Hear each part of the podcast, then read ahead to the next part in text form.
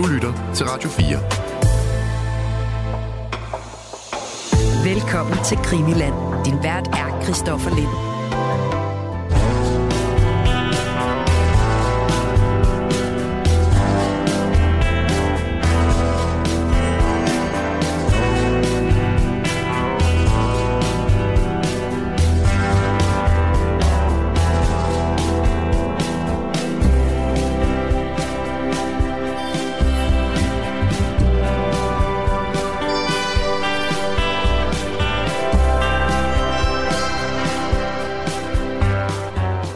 Kjeld Broksø, hvis man på en eller anden måde skal knytte en historie til den albanske mafia, der måske på en eller anden måde via en fortælling kan fortælle lidt om, hvad den albanske mafia er og hvad de gør.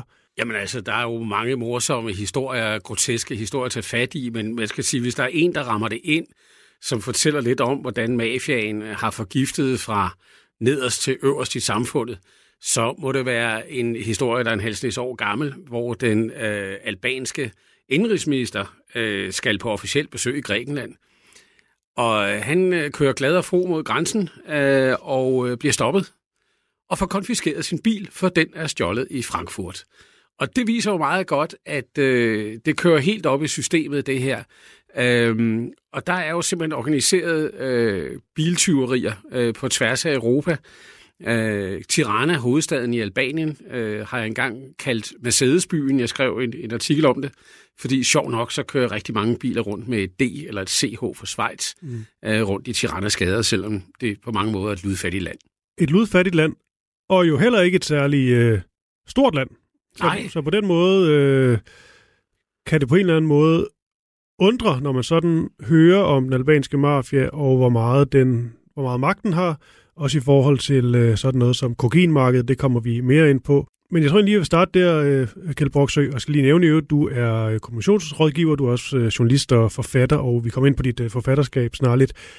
Men det der med, at den ikke er særlig stor, den, den albanske mafia, altså er det noget, vi på en eller anden måde kan, kan bruge til noget? Altså har det været med til at definere den, at det er sådan en lille operation, som på en eller anden måde bare har vokset stor?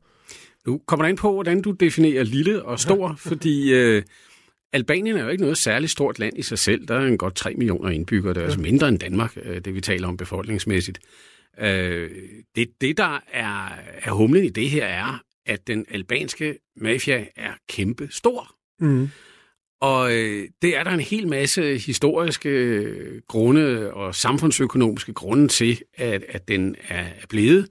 Øh, men det er det, der gør den så bemærkelsesværdig også i mine øjne, at sådan et lille, øh, mm. jeg lige ved at sige lorteland, det vil jeg ikke sige, for jeg holder faktisk meget af Albanien, men det er altså meget kleint, øh, at de kan producere et, et kriminelt netværk, der er så kraftfuldt og så skræmmende, mm. at det er helt på topagendaen i, øh, hos øh, kriminalitetsforskere øh, over hele Europa. Mm. Og hvordan de er øh, lykkes med det, det er øh, noget af det, som øh, dagens udsendelse kommer til at omhandle selvfølgelig. Og lad os så starte hos dig fordi du har jo øh, du har skrevet den albanske mafia både sådan mere klassisk journalistisk, men jo også med et, øh, hvad hedder sådan noget, skønlitterært lag øh, indenover i dit, øh, i dit øh, forfatterskab. Hvordan var det, du kom på, øh, på den idé? Jamen altså, jeg har jo skrevet efterhånden øh, syv romaner, øh, og den der øh, fjendespor, som omhandler den albanske mafia, i øvrigt med en dansk vinkel også, øh, var jo undervejs rigtig, rigtig længe. Og øh, temaer for romaner er i hvert fald for mig ofte noget, der, der starter med en fascination af et mm. eller andet. Og, og min fascination, den ligger jo nærmest noget omkring, øh, jeg tror snart øh, 30-40 år tilbage. Øh, jeg var med min søster taget på en lille chartertur til øh, den græske ferieø Korfu. Mm. Og der skulle ikke ske særlig meget andet, end at vi skulle have noget god mad og, og gå ud i byen om aftenen og have det sjovt og sådan noget. Og øh, mens at, at lysene blinker på tavernaen på, på Korfu, så kommer jeg til at kigge over på den modsatte kyst. Og øh, der vidste jeg jo godt, at Albanien lå, og der var buller ravne mørkt. Mm. Og det mindede meget om øh, de der satellitbilleder, du måske har set af Nord- og Sydkorea, øh, hvor man kan se Sydkorea, det er et stort lyshav, og der er buller mørkt i Nordkorea. Ja. Og det var altså det, vi havde midt i Europa helt op til 1992. Så det er jo altså ikke så forbandet lang tid siden, at det her var, var et faktum. Og øh, jeg havde allerede der, da jeg lå på Korfu og kiggede over på kysten, en, en tanke om, at det må jeg simpelthen over besøge en dag. Hvordan vidste jeg ikke, fordi jeg var ikke medlem af Tvind eller en eller anden maoistisk øh, kamporganisation, øh, som jo kom på besøg i Albanien i mm. den der, ikke bare kommunistiske, men stalinistiske periode. Øh, og den der fascination er jo ikke blevet mindre med årene, fordi Albanien har udviklet sig på nogle områder fuldstændig vanvittigt, og på andre områder rigtig positivt. Så det er et meget, meget, meget sammensat land. Ja. Hvordan er det så, at du kommer ind på selve mafiasporet? Jamen, der sker så det heldige, at øh, jeg i øh, starten af 98, 1998, øh, så det var nogle år siden, 25 år siden, øh, bliver inviteret af UNDP, FN's udviklingsprogram, til en sådan en journalistrejse. Vi var et par stykker afsted. Jeg havde en fotograf med fra, fra Jyllandsposten også. Øh, og øh, der kommer vi ind og se et land, som er i fuldstændig opløsning, fordi at halvdelen af BNP er strøget på noget, der hedder pyramidespil, som vi nok kommer tilbage mm. til. Øhm, og der var den der modsætning mellem, at øh, man kunne se, at nogle steder var der virkelig penge i samfundet. Altså store huse og sådan noget, styrebiler. Og øh, lige ved siden af, så var der dybt, dybt armod. Øh, altså en ulighed, der vil give enhver socialist mareridt, ikke? Øh, og det, det var helt enormt. Og samtidig så var deres historie jo fuldstændig fantastisk, fordi de havde været totalt isoleret som Nordkorea i over 40 år under den tidligere diktator Enver Hoxha. Mm. Og de her øh, pyramidespil, det er jo... Øh, ja, man kan sige, det er jo noget, som øh, der ofte er noget, hvor der er enkelte, der øh, ligesom øh, skummer fløden. Altså man får folk ind i et eller andet system af en eller anden art, og så får man øh, lået dem guld og grønne skove, og så får man på en eller anden måde hævet penge ud af dem sådan gradvist. Jamen, det var en forfærdelig historie. Ja. Øh, der er jo lavet en dansk øh, tv-dokumentar om den også, som er ganske fremragende på, den har været på Danmarks Radio. Øh, den handlede om en udsendt dansker i, i den der periode, og det, der skete, hvis vi prøver at fortælle det kort, mm. fordi det er i virkeligheden lidt kompliceret, men, men, men øh, der var nogle af de her stærke grupperinger, og det typiske stærke familieklaner, som fik sat de her pyramidespil i værk. Og hvis man skal prøve at forklare det forståeligt, hvad det er, så svarer det lidt til at købe en lodseddel med sikkerhed i nogle mennesker, som kan lave et afkast. Mm. Altså, en, du kan også kalde det en aktie eller, eller noget. Lodseddel vil jeg hellere sige, ikke? Øh, og den her øverste del af klanen, de får, når man investerer i dem, så får de lige pludselig masser af penge og kan give et afkast. Men hvis du selv sådan skal op i toppen og virkelig have, have mange penge, så skal du have folk i laget under dig til at investere. Altså i det samme spil. Mm. Og på et eller andet tidspunkt skal der så mange til at generere formuen, at den der matematiske ligning simpelthen ikke går op. Og så skvatter det hele sammen. Og det var præcis, hvad der skete i Albanien, øh, og oven i købet med den daværende præsident, som var en, en meget korrupt fyr, der hed Sadil Berisha, han øh, opfordrede til, at befolkningen investerede i det her. Det var jo smart. Og man skal tænke på, at de kom fra det her øh, ludfattige nordkoreanske-agtige øh, samfund, og så, at naboen lige pludselig fik et køleskab, eller måske mm. endda en bil, altså drømmen, der havde været helt uopnåelige i årtier. Og så tænker de selvfølgelig, det må vi også gøre. Og så pansatte de alt, hvad de havde af værdier, øh, huse og hvad der ellers måtte være. Øh, og selvom det var et, et øh, på alle måder fattigt land, så var der jo nogle penge, de kunne investere i det her. Mm. Og det var jo, øh, altså der var beskrivelser af, hvordan at øh, før man havde elektroniske pengeoverførsler, at der blev slæbt pengesække væk fra de der øh, kontorer, som forhandlede lodder eller aktier til, til pyramidespillene. Og så kan man tænke, de forsvandt bare op i den blå luft. Men det gjorde de ikke helt, fordi de var med til at grundlægge de meget, meget stærke mafiastrukturer, øh, som vi den dag i dag har kæmpe problemer med. Ja. Og det er jo sjovt, når man siger mafia, og øhm, eller faktisk bare når man siger mafia, så tror jeg, at de fleste op i hovedet har øh, ofte noget med noget italiensk øh, klingende. Man kan høre noget mandolinmusik.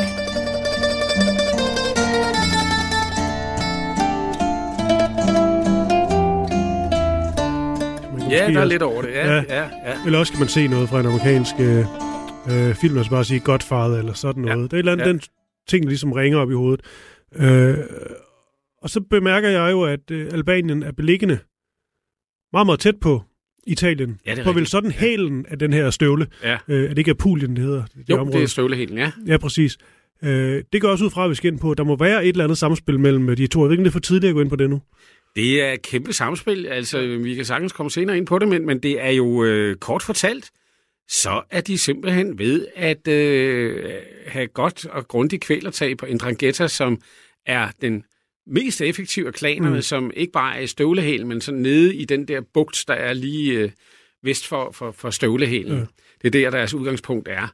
De har vist sig Indrangheta at være den mest effektive mafia-klan, men på et tidspunkt, så går de i seng med den albanske mafia. Fordi hvad er det, mafiaen kan i Albanien? De er vanvittigt gode til at korte øh, øh, distributionsled af i, øh, i kokainhandlen, og det kan de bruge, og de leverer af nogle årsager, kulturelle mm. årsager, som, som vi også kan komme ind på.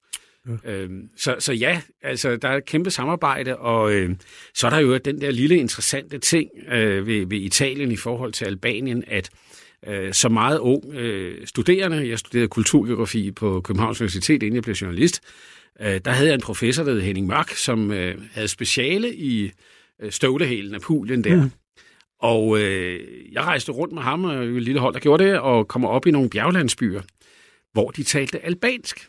Okay. Og han har simpelthen skrevet en pamflet, der handler om de sproglige albanske minoriteter i, øh, i Italien, som der er en del af.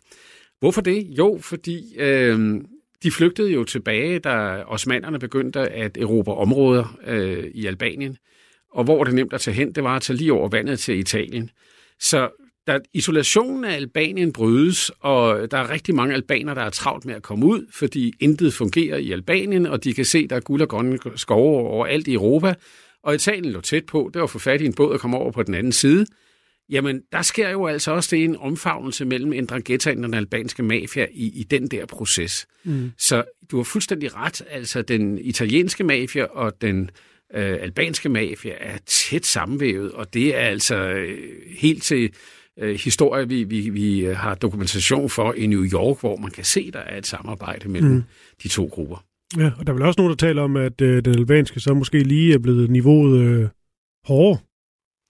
Ja, fordi man, man kan altid øh, lave sådan en eller anden skønhedskonkurrence mellem mafia-grupper mm. om, hvem er nu den hårdeste og mest voldelige og sådan noget.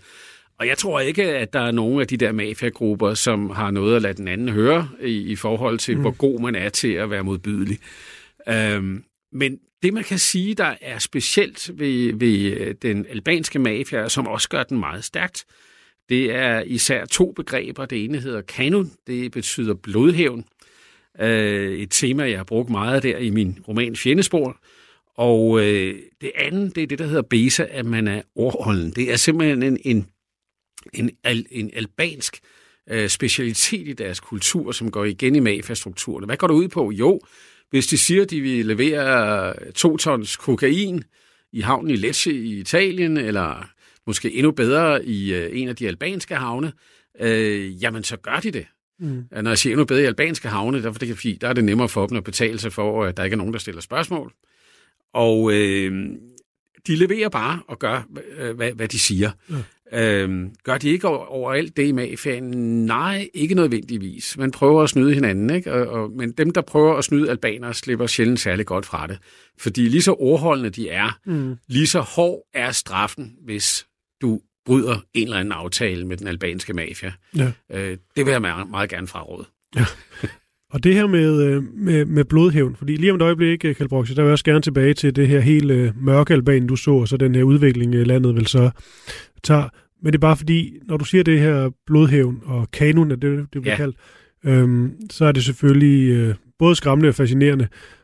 Men hvordan skal det forstås? Er det sådan noget, for det er sådan nogle historier, jeg har hørt, om det er sådan noget med, at hvis du ligesom har øh, jeg har gjort noget, som ikke er i orden i forhold til den albanske mafia, og du så eksempelvis, lad os sige, flygter, tager væk, tager mm. til et helt andet land. Mm. Er det så sådan noget, at du aldrig rigtig kan vide dig sikker? Også, altså man skal forestille sig, at så tænker man, nu er der gået 5-10 år. Ja, jo, men det tror jeg egentlig ikke er så specielt uh, albansk det her med, det at, at vi skal nok finde det, og det har vi også i rockergrupper herhjemme for ja. den sags skyld. Ikke? Men, men det, der, det, der er virkelig specielt i det, er, at, at man øh, lader sådan set hele familien være ansvarlig, altså helt ned til småbørn, Okay, for hvad der bliver begået. okay. Ikke? Altså, det er faktisk meget i- i- konkret blodhævn. Ja, og, og altså, vi, det er meget den der gang i 10. potens, ikke? Øh, men vi skal nok finde dig, men vi skal også nok finde din familie.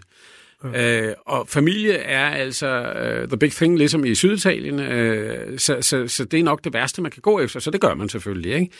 Og det har det resultat, at øh, du har øh, børnehjem i Albanien den dag i dag, hvor øh, børnene ikke har øh, har udendørssko, de har kun hjemmesko, fordi de kommer simpelthen ikke udenfor. Altså hvis de bliver fundet af nogen, så bliver de simpelthen dræbt. Øhm, og øh, der lever en 6-8.000 mennesker i Albanien i, øh, i helt isolation i dag, gemt væk, fordi de ved godt, der er nogen, der kommer efter dem, fordi de har overtrådt nogle regler. Og det er altså helt ud i yderste led, og det er også lidt det, jeg har brugt øh, som tema i, i, i Fjendespor, fordi øh, her er det en dansk politimand, som er adopteret og har egentlig vokset op i, øh, i Aalborg, selvom han er født i Albanien på et albansk børnehjem. Men altså, man finder hans biologiske forældre i et mafiaopgør, og så går jagten jo helt til Danmark, ikke? Og så øh, har jeg en kriminel roman. Så, så Mm. øh, man kan sige, det er, det er jo bare forfatterfantasi alt sammen, men det bunder i en virkelighed, som er virkelig, virkelig skræmmende. Mm. Ja, for den er, man kan sige, den er jo for mig at se rigtig skræmmende. Fordi det er jo nemmere at forholde sig til, at der er lad os sige, to grupperinger, der bekriger hinanden, og så øh, får du altså skåret på fingre af, eller får øh, Mm.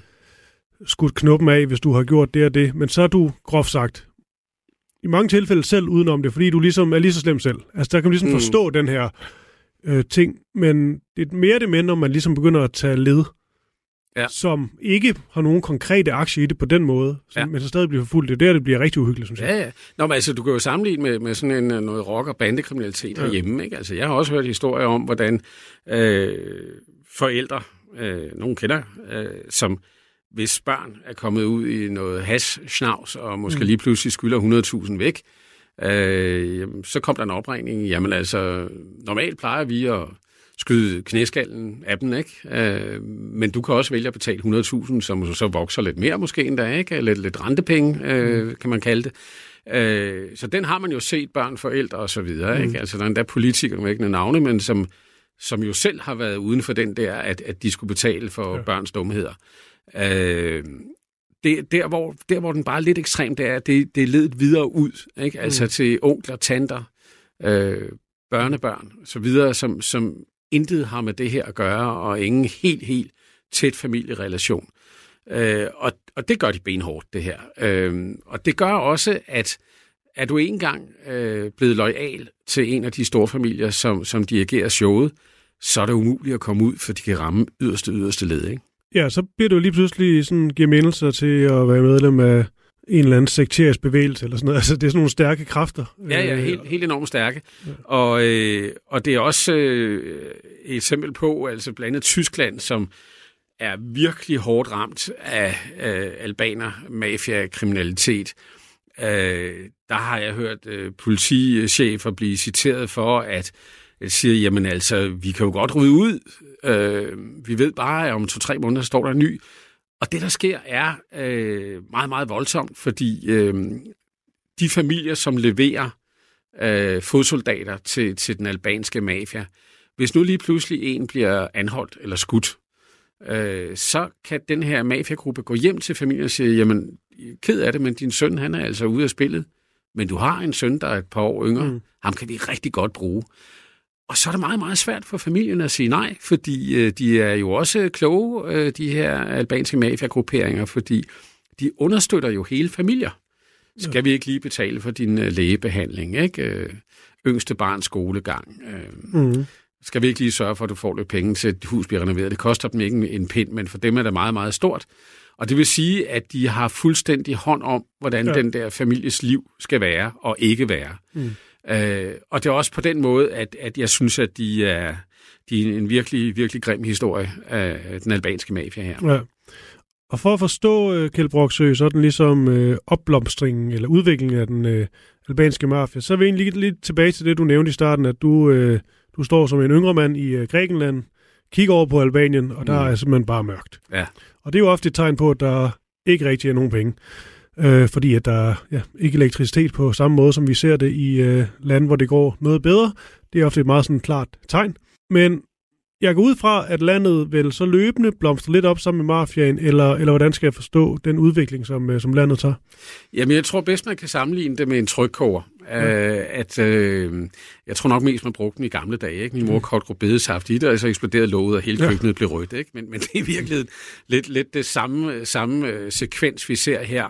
Øh, den der massive undertrykkelse, der var i Albanien, gik jo på, på alle planer. Øh, de havde et et politi, der hed Sigurimi, som fik både Ceausescu, Securitate og det der Stasi til at, at, at, at, at ligne tinsoldater. Ikke? De var meget, meget voldsomme og øh, brutale, og grænserne var ikke bare som i DDR lukket med en mur, øh, og så nogle enkelte kunne slippe ud. Der var fuldstændig lukket. Og det, øh, det kommer jo af, at, øh, at Enver Hoxha, som var diktator i 40 år, helt frem til 1985, han var dybt paranoid, ligesom Kim Jong-un er det i dag. Uh, han så imperialistiske invasionsplaner alle vegne, uh, og han drænede statsbudgettet. Uh, jeg har en lille souvenir med uh, til at illustrere det. Ja. Uh, han drænede landet ved at lave 173.000 bunker. Jeg har sådan en lille dims, den er en 5 cm. Uh, det ligner sådan en svamp eller noget. Uh, men, men det er en tro kopi af uh, de bunker, som ligger i Albanien mm. den dag i dag. Øh, og der skulle være øh, seks af dem per kvadratkilometer. Øh, og, øh, sådan en marmorsvamp her. Ja, en lille marmorsvamp her. Ikke? Jeg synes, det er en sød souvenir. Øh, men alene det kostede jo halvdelen af statsbudgettet ja. øh, at få, få opført alle de der bunker. Øh, men der skulle også være nogle våben til dem, der skulle bemande de her bunker. Så han satte en gigantisk våbenproduktion i gang, og, og befolkningen var ludfattig, fordi alt overskud gik til det her pjat. Ikke? Øh, men det betød også, at da trykkogeren eksploderede, så var der rigtig mange våben i spil. Og våben, det er jo magt. Og der er nogle klaner, der sætter sig på det, som i nogle tilfælde var meget sammenfaldende med de magtstrukturer, der havde været i forvejen under, under, under kommunismen.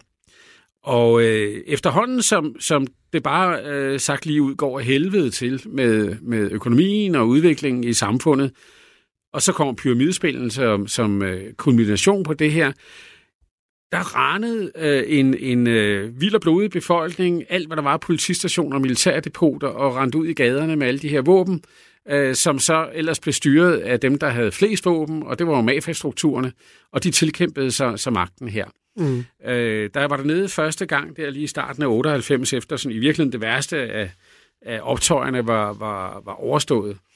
Øh, der lavede UNDP og FN og andre øh, en meget sød aktion, der hed Våben for mad. At man skulle komme og aflevere sin, øh, sin maskingevær for at få mad i, i stedet for. Og når jeg sådan tænker på det i dag, så var det i virkeligheden et frygteligt naivt projekt, og, mm. og det virkede jo heller ikke. Øh, kun lige til nogle, nogle, øh, nogle projekter, som, som øh, FN og andre var, synes var værd at vise frem. Men, men ja. der var masser af våben stadigvæk, og ja. kraftige våben.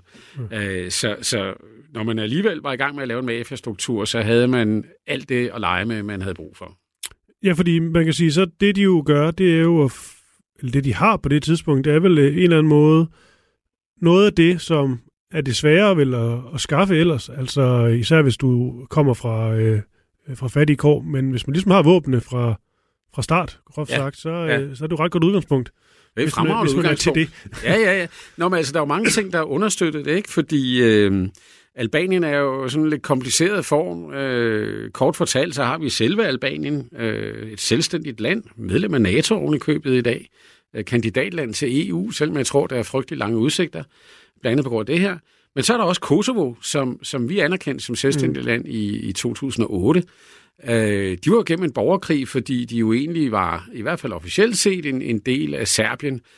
Og som led i den borgerkrig, øh, som jo også betød, at øh, Clinton øh, bombede øh, Serbien. Mm. Det er derfor, der står en kæmpe høj øh, bronzestatue af ham i, øh, i Kosovo i dag.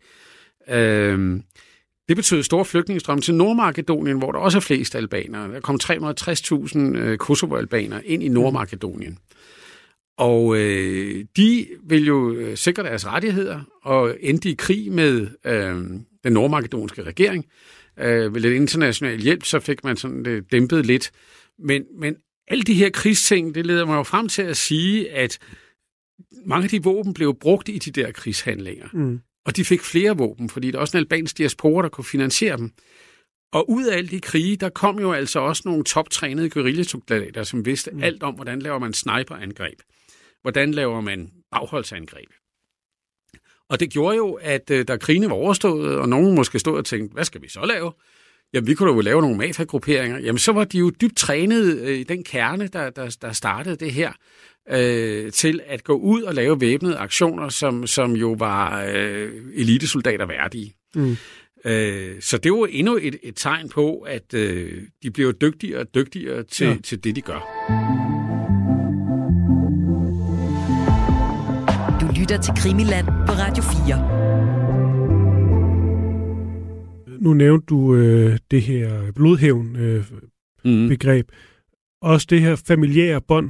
Det er også bare fordi, jeg synes, det er spændende nogle gange, og når man ser på sådan noget som mafia, hvordan det ligesom er organiseret, om det ligesom er klaner, dynastier, om det er familierelateret, eller simpelthen bare i forhold til, ja, hvem er den største alfahan, hvem får flest med, mm, mm. Og, og hvordan det nu kan være.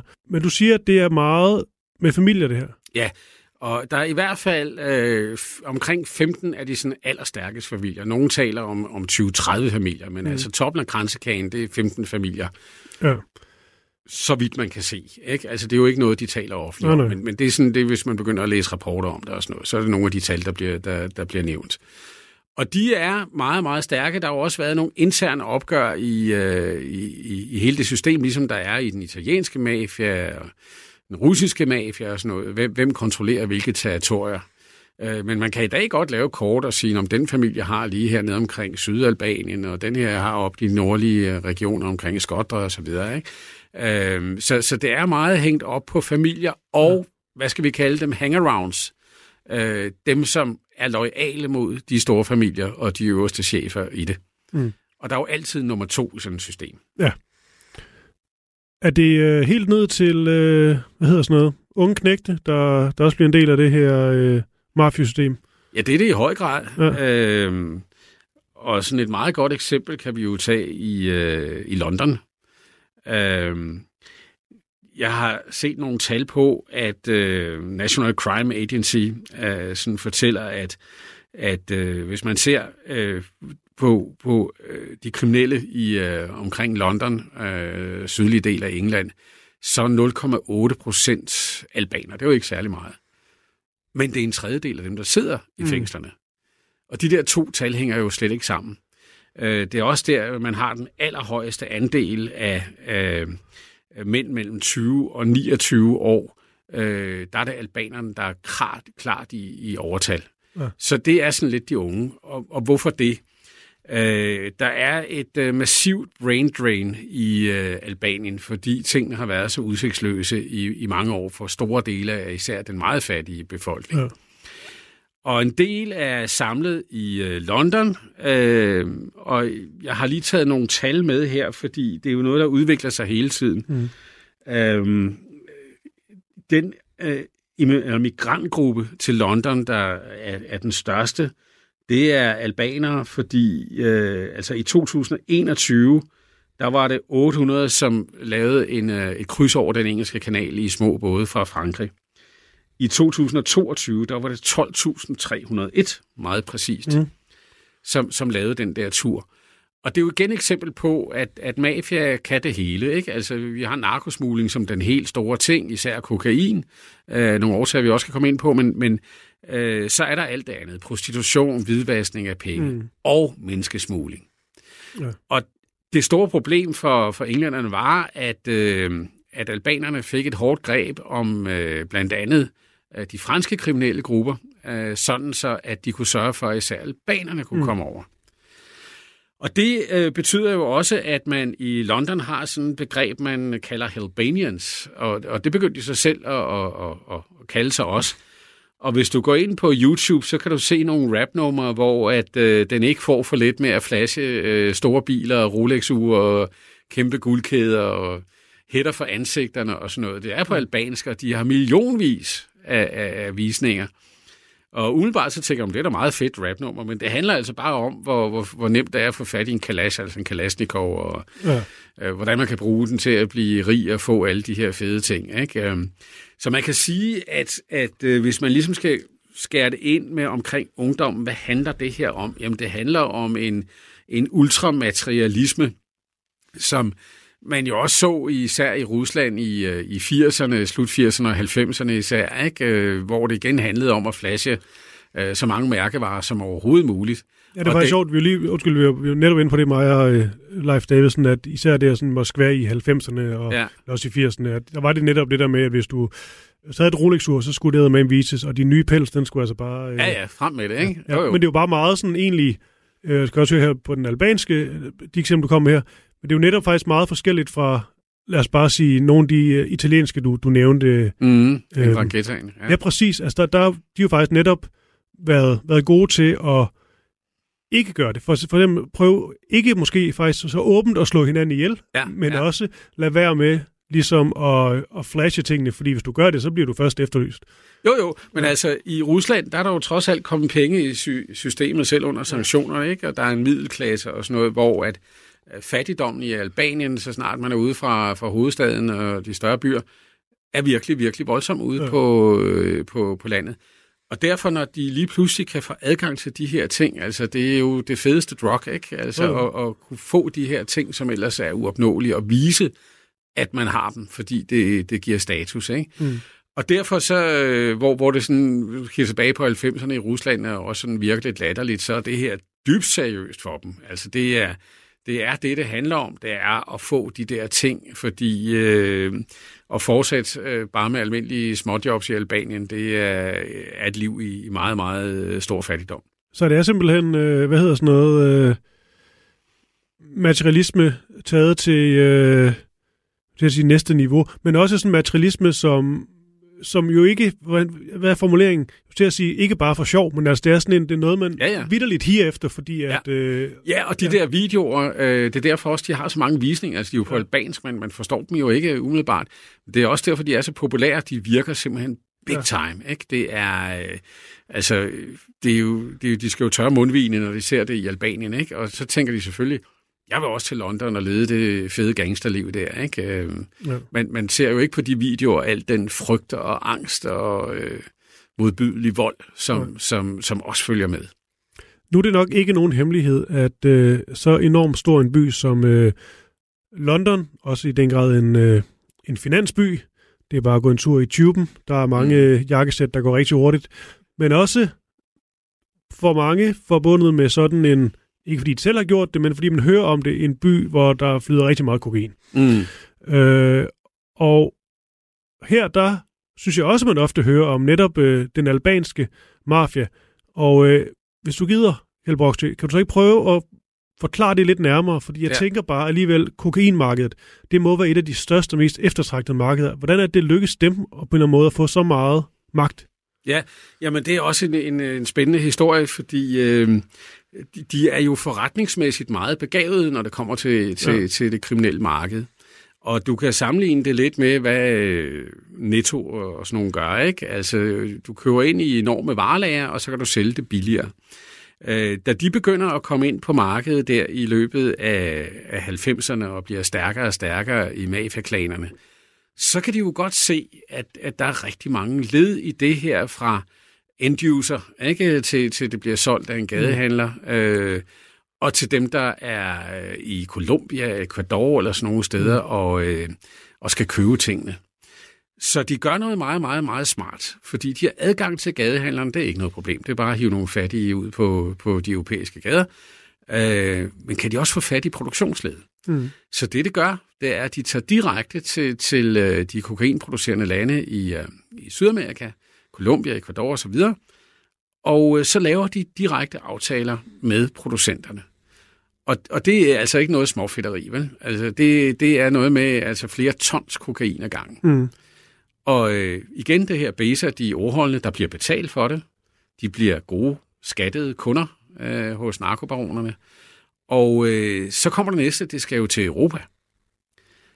Og der har de jo adgang til nogle havne, de kan kontrollere i Albanien. Mm.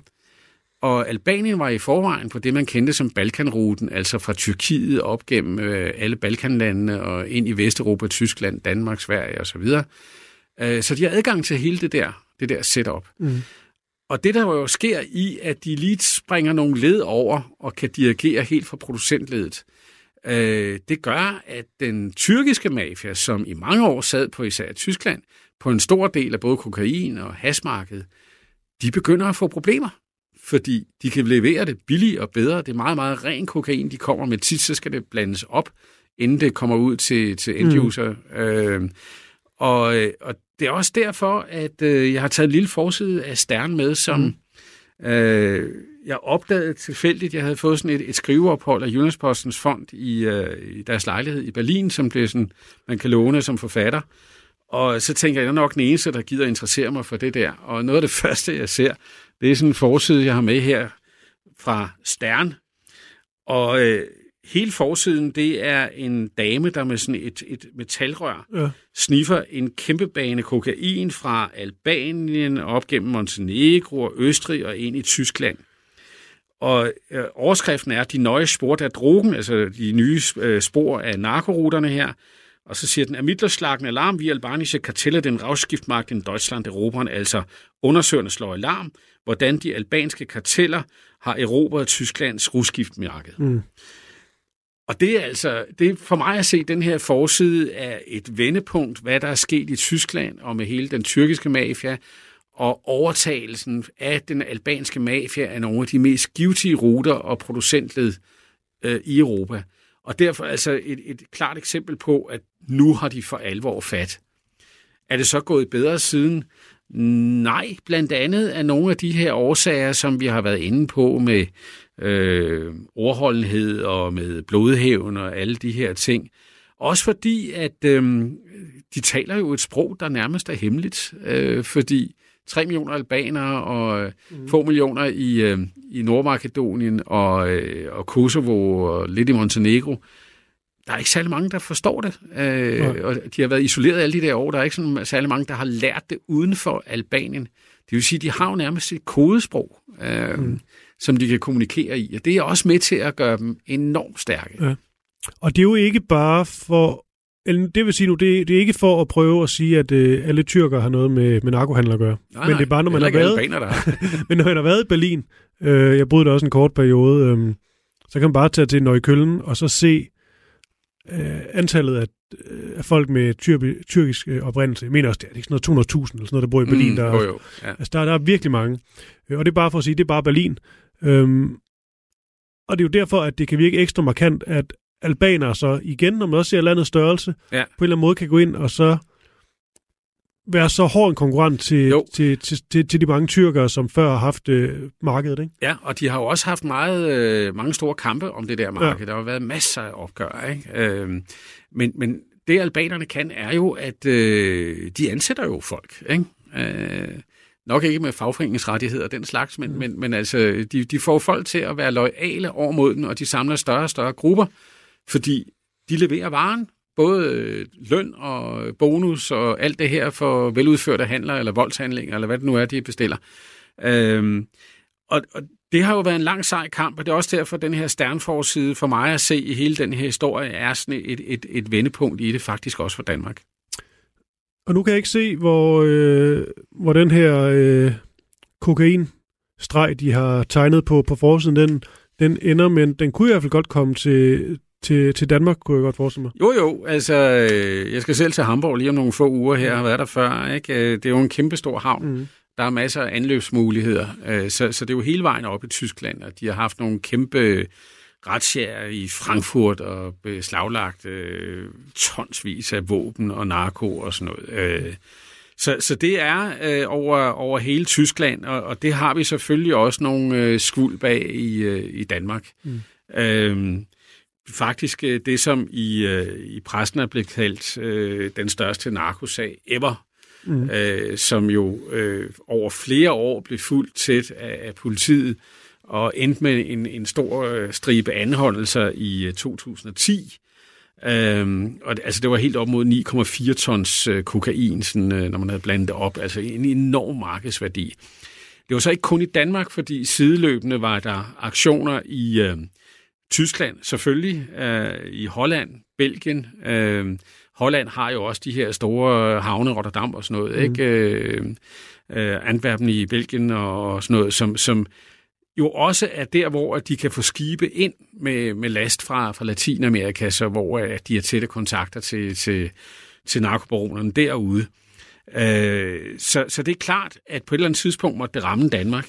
Der har været en hel del sager, noget i småtingsafdelingen, noget øh, langt større. Mm. Men, men, men øh, det er helt tydeligt, at den, øh, den albanske mafia er også i gang i Danmark og i Sverige i øvrigt. Det er nemt at komme over Øresundsbroen, og så er vi i gang der. Altså Sverige har også haft flere sager med, med, øh, med albanske kriminelle. Øh, og det er jo altid, når vi nu er albaner, det er sådan en, en, en, øh, en mafia-medlem. Det er jo ikke altid til at sige, men, men øh, fordi vi ved, at strukturen er så stærke, så er sandsynligheden rimelig høj for, at de har en tilknytning til, til de her mafia-netværk, der udspringer fra Albanien. Ja, ja det lyder heller ikke til, at øh, du tror, at den albanske mafia ligesom er på, øh, på retræten. Nej, nej, nej, tværtimod. Ikke. Jamen tværtimod, altså nu øh, fortalte jeg lige de her tal, jeg har fået fra Storbritannien med 12.301. Øh, det var en eksplosiv... Øh, meget, meget udvikling. eksplosiv udvikling, ja. ikke? Altså, og det viser jo, at de er jo stadig bumstærke. Øh, mm. at, for det er jo så dem, man har registreret, så er der ja. jo dem, man ikke har registreret, ikke? Richie Sunak har været i Frankrig og Albanien, øh, altså den britiske premierminister, for at lave nogle aftaler med både Albanien og med Frankrig, og har sagt, at nu er det en forhindret 500 både i at, at komme i land mm. i år, ikke? Mm, ja, men så er der alle dem, det lykkes for. Uh, så svært er det heller ikke at komme ind i Storbritannien, hvis man absolut vil. Der er mange indfaldsveje. Mm. Uh, man må bare konstatere, at de er super dygtige til det. Og uh, et af drømmen om at, at, at få et bedre liv, end, end det, som især de unge mænd, som det er, der typisk uh, migrerer. Uh, men, men sandsynligheden for, at de også bliver involveret i mafiaaktiviteter, for eksempel omkring Londons kokainmarked, er jo stærkt overhængende. Mm. Øh, mange af dem er ikke særlig godt uddannet, de taler knap nok engelsk. Øh, jamen, hvad kan de så lave? De er gode til alt andet, ikke? Ja. Kan, altså, vi talte også om det her med, at det er svært, øh, ja, det er jo svært at grædbøje i brutalitet, og ligesom mm. sige, hvem er værst, så kan man sige, den russiske mafia måske de mest brutale, så vil nogen sige, det er den meksikanske, og så kan ja. man tage den derfra, ja, ja. og det er jo heller ikke vigtigt på den måde, men, men, men kan vi her sidst komme ind på lidt mere omkring de her metoder, de benytter sig af, den, den albanske mafia. Der er jo det her med, at de forfølger folk. Ja. Men skal man også forstå det som sådan helt... Du har også nævnt rockere før, altså så rører der lige en finger eller sådan noget. Ja, ved, ja, du, ved du, om der er sådan nogle særlige metoder, de har, eller om det er måske bare mere sådan klassisk? Skulle jeg Jamen, altså, det er jo dybt klassisk, ikke? Altså, kedsommeligt ked klassisk nemlig, ikke? Altså, ja. boremaskiner gennem hovederne, afhuggede fingre, øh, Men det er, det er bøllebank, ja. øh, ikke? Altså, øh, det, det er hele registret der, ikke? Ja. Øhm, det er også derfor, jeg synes, at, at, at den væsentligste forskel i brutaliteten, det er den her blodhævns kanon, mm. som det hedder, blodhævns øh, kultur, som, som øh, gennemsyrer meget af det, og som gør, at, at de, øh, de kan nogle, nogle, øh, nogle ting, som andre mafiagrupper ikke kan. Ikke? Og, mm. og det er egentlig underligt, at det er så lige albanerne, der finder på det her. Ikke? Men, mm. men, men jeg tror også, at man skal se det som, at det udspringer fra den der øh, kæmpe desperation, der har været under de der 40 års øh, monsterdiktatur, ikke? som jo reelt sluttede først mm. i, øh, i 1992. lytter til Krimiland på Radio 4. Jeg synes jo, det er spændende at læse op på nogle af de her mafier, at ja, de er sådan grundlæggende set øh, nogle, øh, nogle skidtkale øh, og begår mor og forbrydelser i, øh, øh, i et væk. Men der er alligevel i mange mafiaorganisationer, man kan også tage den japanske Yakuza, sådan nogle, selvfølgelig også en sicilianske og så videre, nogle amerikanske øh, nogle æresbegreber, som ligesom bliver, bliver overholdt, og man gør faktisk ikke, der er nogle ting, man simpelthen ikke gør, der er nogen, man eksempelvis ikke slår ihjel, og, mm. og så videre. Så der er faktisk sådan nogle, nogle æresbegreber. Og altså det, det som, som jo også måske har, har trigget, at det er blevet så voldsomt, det her begreb med blodhævn, er, at hvis man skal sige noget som helst godt, som, som den stalinistiske diktator Enver Hoxha øh, fik gjort, så var det, at han faktisk fik lagt en dæmper på det her blodhævnssystem. Mm. Og øh, da det så eksploderer, den her trykkoger, jeg har været inde på, ja. så gør det samme med blodhævnen og bliver en, en, en, en faktor i samfundet. Og man må sige, at den albanske regering er jo godt klar over det. Altså, de har jo tredoblet straffene, altså for 25 år helt op til livstid for blodhævns for, forbrydelser. Mm. Så det er, ikke, det er ikke noget, de ikke er klar over. Men dertil at få det stoppet, der er altså en rigtig, rigtig lang vej. Øh, så du har helt ret i, at jamen, nogle af de her kodex virker jo øh, frygtelig gammeldags og sådan noget, men, men hele baggrunden er jo også gammeldags, øh, forstået på den måde, at der har været for 45 år, øh, hvor samfundet simpelthen er gået i stå, ikke? og det er ovenikøbet oven på en verdenskrig og guerillakrig, hvad ja. der var der. Ikke? Øh, så, så, øh, så ja, det er gammeldags og fortidigt meget af det her, men det skyldes jo også, at de har været i den der tidsboble i, i alle de her år. Ikke? Mm. Altså tænk lidt på, hvor, hvor, hvor meget uvenner Enver jeg gjorde sig med, med, med verden. Ikke? Han alliserede sig i, under 2. verdenskrig med Marskal Tito i det daværende Jugoslavien, øh, og øh, blev uvenner med ham, fordi han troede jo, Enver Hoxha, ja, nu skulle de så forenes med Kosovo. Nej, den der bid vil øh, Tito jo gerne have til, som del af Serbien. Øh, så var det venskab røget. Så blev han øh, gode venner med Sovjetunionen, som jo var i modsætningsforhold til, ja. til Jugoslavien hen ad vejen. Øh, det holdt sig op, da Stalin døde, fordi så kom der afstaliniseringen, og øh, han var jo en tro Stalin-støtte, og havde ikke lyst til, at nogen andre skulle blande sig i, hvad han gik og besluttede, end var Hodja. Så røg det venskab. Mm. Så øh, allierede han sig med Mao-Kina. Mm. Øh, de har bygget nogle forfærdelige forurenende fabrikker, der den dag i dag er en øh, miljøkatastrofe mm. i Albanien. Men øh, da Mao han døde, så begyndte der jo en afmaoisering mm. af, af Kina også, øh, frem til i dag, hvor de jo er, kalder sig kommunister, men det er meget svært at skælne fra et, et, et monsterkapitalistisk samfund. Ikke? Men, men allerede i 1978, så blev han jo uvenner med, med Kina. Og alt det her bare for at sige, hvor meget mm. tidsbobbel der har været. Altså det har været et uland midt i Europa. Ikke? Og det er jo også det, der gør, at når du siger, at det virker lidt gammeldags, ja, Altså, tiden er stået stille i øh, mm. 45-50 år, hvis nu tager krigen med. Ja. Øh, så der er ikke noget at sige til det, at, at det har sin egen art, den her albanske mafia i dag. Men er der nogen af dem, der ligesom er blevet konkret inspireret af den italienske mafia? Altså har de været lært op af dem, eller er det mere selvstændigt? Jeg prøver bare at forstå den der kobling. Ja, ja. altså de, de, øh, det er nok forkert at sige, at de er lært op af ja. den, den italienske mafia. Øh, tværtimod, så blev der jo mere tale om sådan et broderskab i første omgang, indtil de jo faktisk øh, i et vist omfang er vi jo så meget sammen, at det er svært at sige, hvad den italienske og hvad den albanske mafia. Ja. Altså det, der var jo lidt specielt, det var jo, at, at de slog ikke bare hinanden ihjel. Øh, og det gjorde de jo, fordi de kunne bruge hinanden. Mm. Øh, den albanske mafia kunne bruge den italienske mafias kontakter og netværk i, øh, i det kriminelle Europa. Det var et godt brohoved. Den italienske mafia kunne jo bruge øh, albanernes øh, innovation, man kan sige, de disruptede øh, kokainmarked især ved at tage direkte kontakt til producenterne i, i Latinamerika, og de kunne bruge deres adgang til de albanske havne og sådan noget. Altså, det er jo meget, meget tæt vævet sammen. Øh, jeg vil jo øh, også lige pointere, at alt det, jeg sidder og siger, er jo ikke noget, albaner havde agtigt noget, fordi øh, jeg vil anbefale alle at tage til landet. Det er virkelig, virkelig smukt og øh, der er nogle fantastiske badekyster, og alting koster en tredjedel af Italien. Mm. Men, men, men øh, man ser også, at der er rigtig mange italienske turister den dag i dag.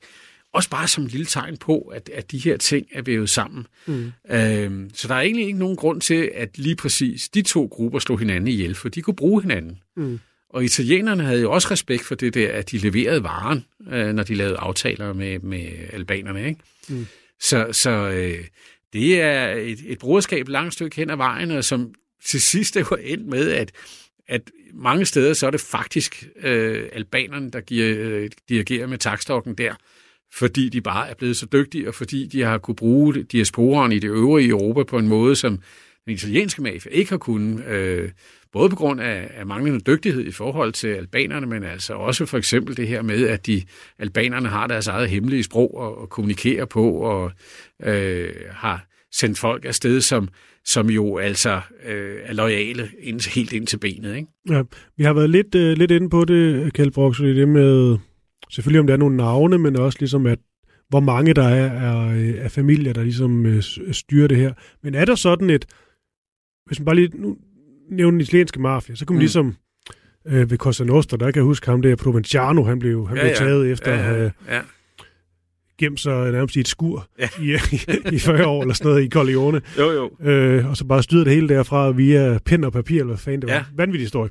Ja. Men, øh, men der er ligesom bare sådan et navn, Provenciano. Så, så bliver han har været, han har været på listen øh, i rigtig mange år, så bliver han fanget. Og han er jo ligesom, de har bare meget af det her med de der bosser, overhoveder, Ja, der og kan de navne. Har de også det i den albanske mafia, altså et eller andet navn? Ja, altså... Det, det er der jo, men jeg kunne nævne, altså for, for at ligesom også vise, hvor, hvor, hvor, hvor spredt de er. En, der ja. hedder Max Rudaj, som, øh, som øh, startede op i New York øh, og, og kom ind på narkomarkedet der. Ikke? Øh, og der var jo sådan en, en der hed øh, Coletti, Dino Coletti, som var en italiensk mafiaboss. Mm. Og han lavede alt muligt plat fra øh, spilautomater, der var fusket med og alt sådan noget. Ikke? Øh, og selvfølgelig prostitution og mm. narkohandel. Alt det så vanligt, helt klassisk. Ikke? Men han øh, ryger lidt i totterne på nogle andre mafiagrupper, og får, får så brug for at få en, en allieret, bliver så Max Rudaj. Og øh, det ender jo med, at de bliver rigtig stærke sammen og får udraderet nogle af de andre italienske mafiagrupper i New York. Og det er sådan en af de historier, der viser, hvor store de er, fordi øh, altså New York er rigtig giftig, øh, mm. giftig vil jeg sige, også giftig, øh, hvis man kommer godt ind i det kriminelle marked mm. og kan styre sine tropper der. Og det kan den albanske mafiagruppe. Så det er nok sådan af de navne, jeg vil fremhæve, ja. der, der, der, har, der har været både skrevet om, også fordi han blev faktisk fængslet. Øh, så derfor ved man lidt mere om ham end, end alle de andre. Du lytter til Krimiland på Radio 4. Jeg har taget en lille sjov artikel med. Jeg var ved at, med til at skrive tilbage i 1997. Den hedder Helve på Kristin. Det lyder voldsomt, når man tænker på øh, ære være hans minde. Øh, Helve Petersen øh, ja. øh, minde der som den der lidt øh, forsigtige, radikale mand, når det kom til militærstyrker, men han talte faktisk for, at der skulle sendes, øh, da de brød løs øh, optøjen efter de her pyramidespil, ja. der skulle sendes 4.000 soldater afsted, og det endte med en rådgivende gruppe på 11. Der er så siden kommet... Øh, Øh, blandt andet efter pyramidespillene, der gav Danmark jo virkelig en ulandsbistand ja. til Albanien. Det blev kaldt overgangsbistand, og vi havde en ambassade indtil, jeg tror, det 2017 dernede. Men, men det, der er humlen i det her, er, at langsomt går det op for Europa, at vi skal gøre et eller andet med det her land. Altså udgangspunktet er simpelthen for sindssygt. Og nu er de så blevet kandidatland jeg tror altså, at man er nødt til øh, at tage sig lidt sammen i Europa og give dem lidt flere forhåbninger. Og det er en meget, meget svær diskussion, det her, som handler lidt for, om, om, om at du tilhænger eller modstander af EU også, fordi øh, vi har kæmpe problemer med antidemokratiske kræfter i, øh, i Polen, og vi har det i særdeleshed i, i Ungarn, og mm. nu har vi så et korrupt... Øh, land øh, med, med store sociale problemer og masser af mafiakriminalitet. Kunne vi tænke os at få dem ind i? Men man kan også stille spørgsmålet op, hvad sker der, hvis vi ikke gør det?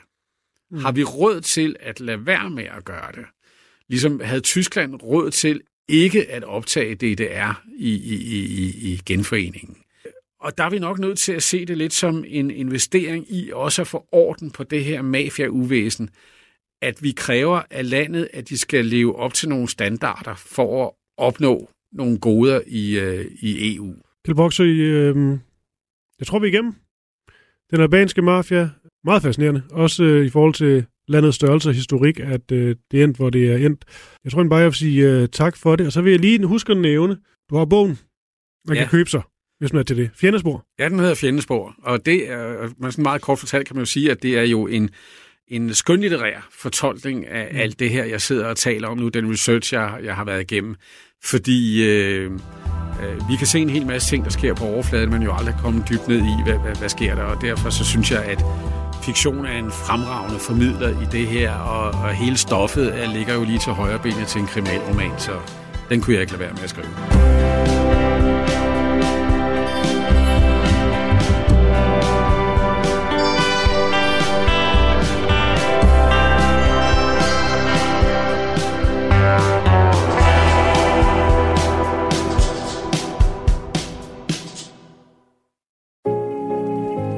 Det er min sidste måltid. Jeg skal dø lige om lidt. Hvordan skal jeg dø? Mange vidunderlige gæster har spist deres sidste måltid hos mig. Min fars rummelighed kom lidt på prøve. da jeg sagde, at jeg havde været sammen med en kvinde. Sammen har vi talt om liv, død, om mad og om det eftermæle, som ingen af os undslipper. Jeg hedder Lærke Kløvedal, og jeg er vært på det sidste måltid. Du kan lytte med i Radio 4's app, eller der, hvor du lytter til din podcast. Radio 4. Ikke så forudsigeligt.